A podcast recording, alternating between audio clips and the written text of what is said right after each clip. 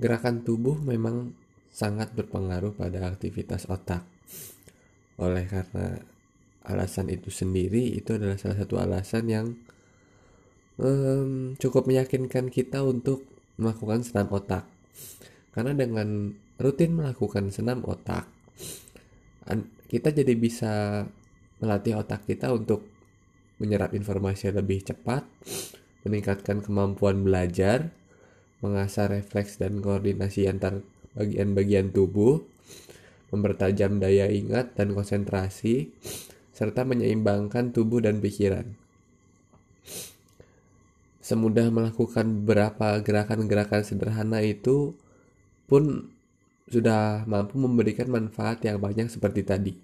Oleh karena itu, saya sangat menganjurkan untuk kalian untuk melakukan senam otak karena dengan gerakan yang sangat sederhana pun yang bisa kita lakukan setiap hari, setiap saat dan hanya membutuhkan waktu sedikit itu dapat memberikan manfaat yang besar bagi kita apalagi kalau dilakukan secara rutin.